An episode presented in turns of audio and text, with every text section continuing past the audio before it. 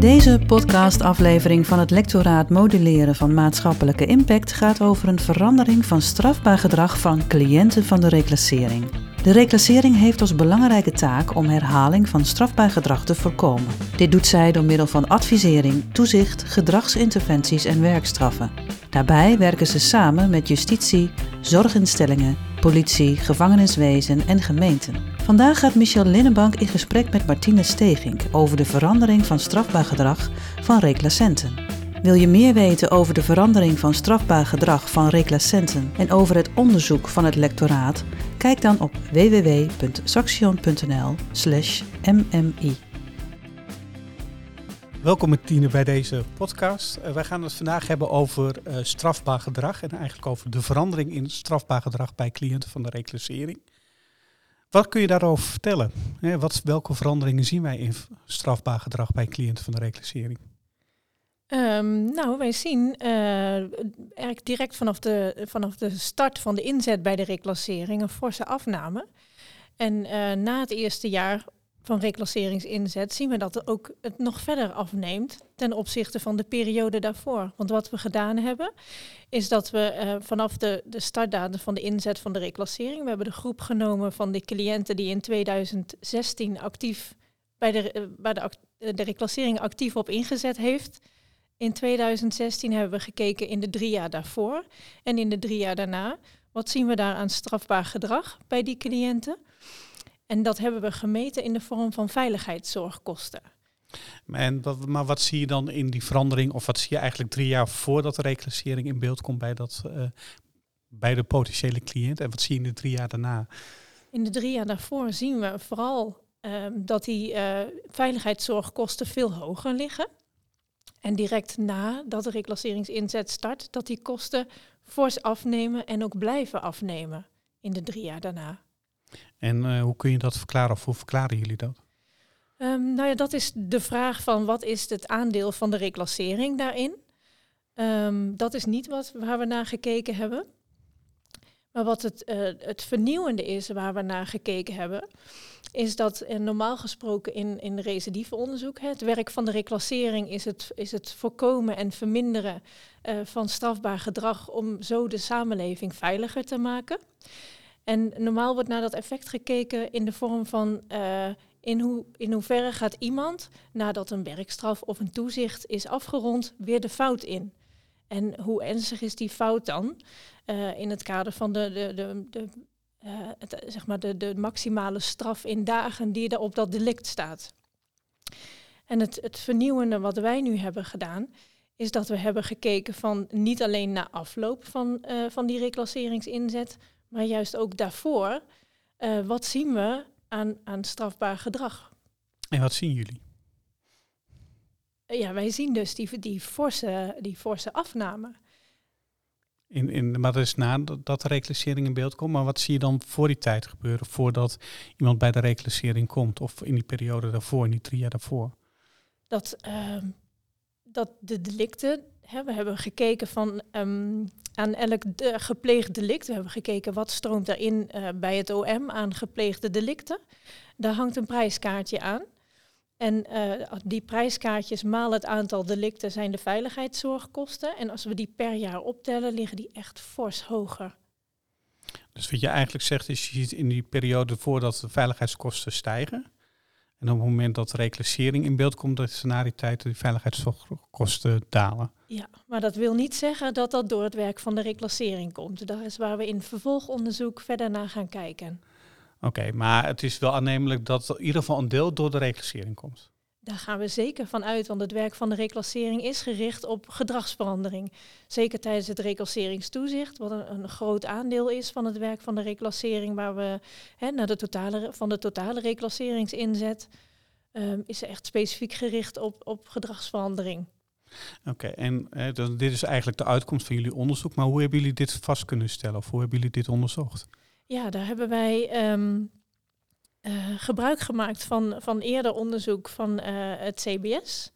Uh, die hebben aan de hand van kosten die gemaakt worden en door de overheid, maar ook zeg maar particuliere commerciële kosten, van wat wordt er uitgegeven aan, aan preventie, bijvoorbeeld beveiliging, wat geven, wat, wat, wat voor kosten zijn er dat beveiligingsbedrijven uh, bedrijventerreinen bewaken of dat er camera's hangen in uitgaansgebieden. Maar ook de kosten van een rechter of de kosten van een gevangenisstraf is, zijn allemaal bij elkaar opgeteld. En vervolgens hebben ze ook per delict gekeken van oké, um, drugsdelicten, wat is, een, wat is een prijskaartje van een drugsdelict? Op al die gebieden. En wat is een prijskaartje van bijvoorbeeld een seksueel delict of van een, van een diefstal? Uh, dat hebben we meegenomen. Dan hebben we gekeken naar alle cliënten van de reclassering. Van joh, uh, in de drie jaar daarvoor, dan zien we bijvoorbeeld dat iemand uh, in het derde jaar daarvoor een diefstal heeft gepleegd. In het, tweede jaar voor de reclasseringsinzet bezig is met harddrugs. En het jaar van vlak voor de reclasseringsinzet weer een diefstal heeft gepleegd. En dat hebben we dan vermenigvuldigd met die prijskaartjes en gekeken, oké, in die drie jaar daarna heeft, is er dan niks gebeurd of is er wel wat gebeurd en hoeveel heeft, heeft dat gekost? Ja, dus als ik het goed vertaal, dan zou je kunnen zeggen in drie jaar voor die tijd pleegt iemand een uh, diefstal. Dat kost 1000 euro voor de maatschappij of aan veiligheidszorgkosten. Het jaar erop uh, pleegt hij, weet dat, uh, nou, weet dat twee diefstallen of hij pleegt een geweldsdelict. Dus ja, nou, dan ben je die 50... diefstallen vallen bijvoorbeeld in vermogensmisdrijf. en even voor gevoel van prijskaartje, dat is ongeveer 11.000 euro wat dat onze samenleving kost. Eén een inbraak. Ja. Dus, en staat... bijvoorbeeld een, hard, een, een, een drugsdelict, bijvoorbeeld uh, harddrugs, is al uh, ongeveer 26.000 euro. Maar even voor het gevoel van, van de prijskaartjes waar we mee rekenen. Dus het gaat eigenlijk, als je alles bij elkaar optelt, om hele grote bedragen. Zeker, ja. En hoe groot zijn die bedragen dan? Uh, in totaal? Ja, ongeveer. Um, nou, dan gaan we echt wel. Uh, ik pak het er even bij, want dat weet ik niet zo uit mijn hoofd. Maar volgens mij gaat het wel over miljarden. Oké, okay, dus en dan door, uh, heel simpel zeggen, door recidieven te voorkomen, of in ieder geval zorgen dat er geen recidieven meer plaatsvinden of minder, uh, nemen de veiligheidszorgkosten af. Ja, en ik heb het nou, ik zei net, ik kijk het even na. Um, maar we hebben berekend dat uh, over een periode van drie jaar na de start van bij de reclassering, dat er ook circa 3 miljard euro in vergelijking met het laatste jaar voor de start van de reclassering, dat dat verschilt. Dus dat zijn echt flinke bedragen. Uh, 10% van uh, 3 miljard, dat is een flink bedrag. Um, hoe verhoudt zich dat tot de kosten van de reclassering? Nou, de kosten zijn, uh, als we kijken van welke subsidiebedrag krijgt de reclassering jaarlijks van het ministerie van Justitie om hun werk te doen. Dat is ongeveer 250 miljoen per jaar. Ongeveer. En als we dan kijken um, dat we nu hebben becijferd dat die uh, verschil hè, in, in veiligheidszorgkosten voor en na reclasseringsinzet uh, 3 miljard euro is in vergelijking hè, met het laatste jaar voor de start bij de reclassering. En als we daar dan 10% van nemen, hè, dat we zeggen van het aandeel van de reclasseringsinzet is 10%, dan gaat het om zo'n 300 miljoen. Dus dan zou je met dit sommetje al door de oogharen heen kunnen zeggen, um, het kost in ieder geval minder dan dat het oplevert. Oké, okay, en als je, want je zei net al, je gaat nog verder onderzoek doen, maar het zou ook meer dan die 10% kunnen zijn. Zeker, ja. Daar gaan we naar kijken. En wanneer verwachten jullie daar iets over te kunnen zeggen, op die aandeel? Nou, we verwachten wel dat binnen de, denk de komende drie jaar, dat we, hè, want we hebben al um, eerste berekeningen gedaan, maar die zijn we steeds verder aan het, uh, aan het verfijnen en aan het bijslijpen. En zoals ook al um, Attila in een eerdere podcast heeft verteld, is het nu elke euro die aan de reclassering wordt besteed, levert ongeveer 2 euro op. Uit de eerste analyses. En de verfijningen die we doen, leveren nog geen andere conclusie op dan dat op dit moment. Maar we gaan ermee verder. En als we dan kijken naar de veiligheidszorgkosten, hoe belangrijk zijn die dan in die maatschappelijke kostenbaatanalyse? Dat is het, uh, het kostenstuk. Dus die zijn uh, ontzettend belangrijk van wat kost het de samenleving als geheel, zowel uh, qua overheidskosten als commerciële kosten.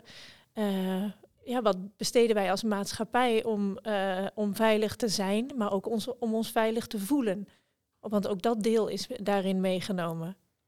Ja, en door het werk juist van de reclassering weten, zien we op jullie basis van jullie berekening kunnen we al zien dat die veiligheidszorgkosten uh, voor de samenleving minder wordt, in ieder geval minder, uh, of de besparingen erop uh, minder of meer zijn, sorry, dan uiteindelijk de kosten die we maken voor de reclassering. Ja, dat is in ieder geval wat we wel zien, inderdaad. Hè. De conclusie die we nu kunnen trekken, dat het strafbaar gedrag in ieder geval vermindert, fors vermindert na de inzet, start van de inzet van de reclassering. Nou, dat is hartstikke mooi. Uh, dankjewel. Jij ook bedankt. Dit was een Saxion-podcast van het lectoraat Moduleren van Maatschappelijke Impact. Voor meer podcasts bezoek de website van het lectoraat op www.saxion.nl/mmi.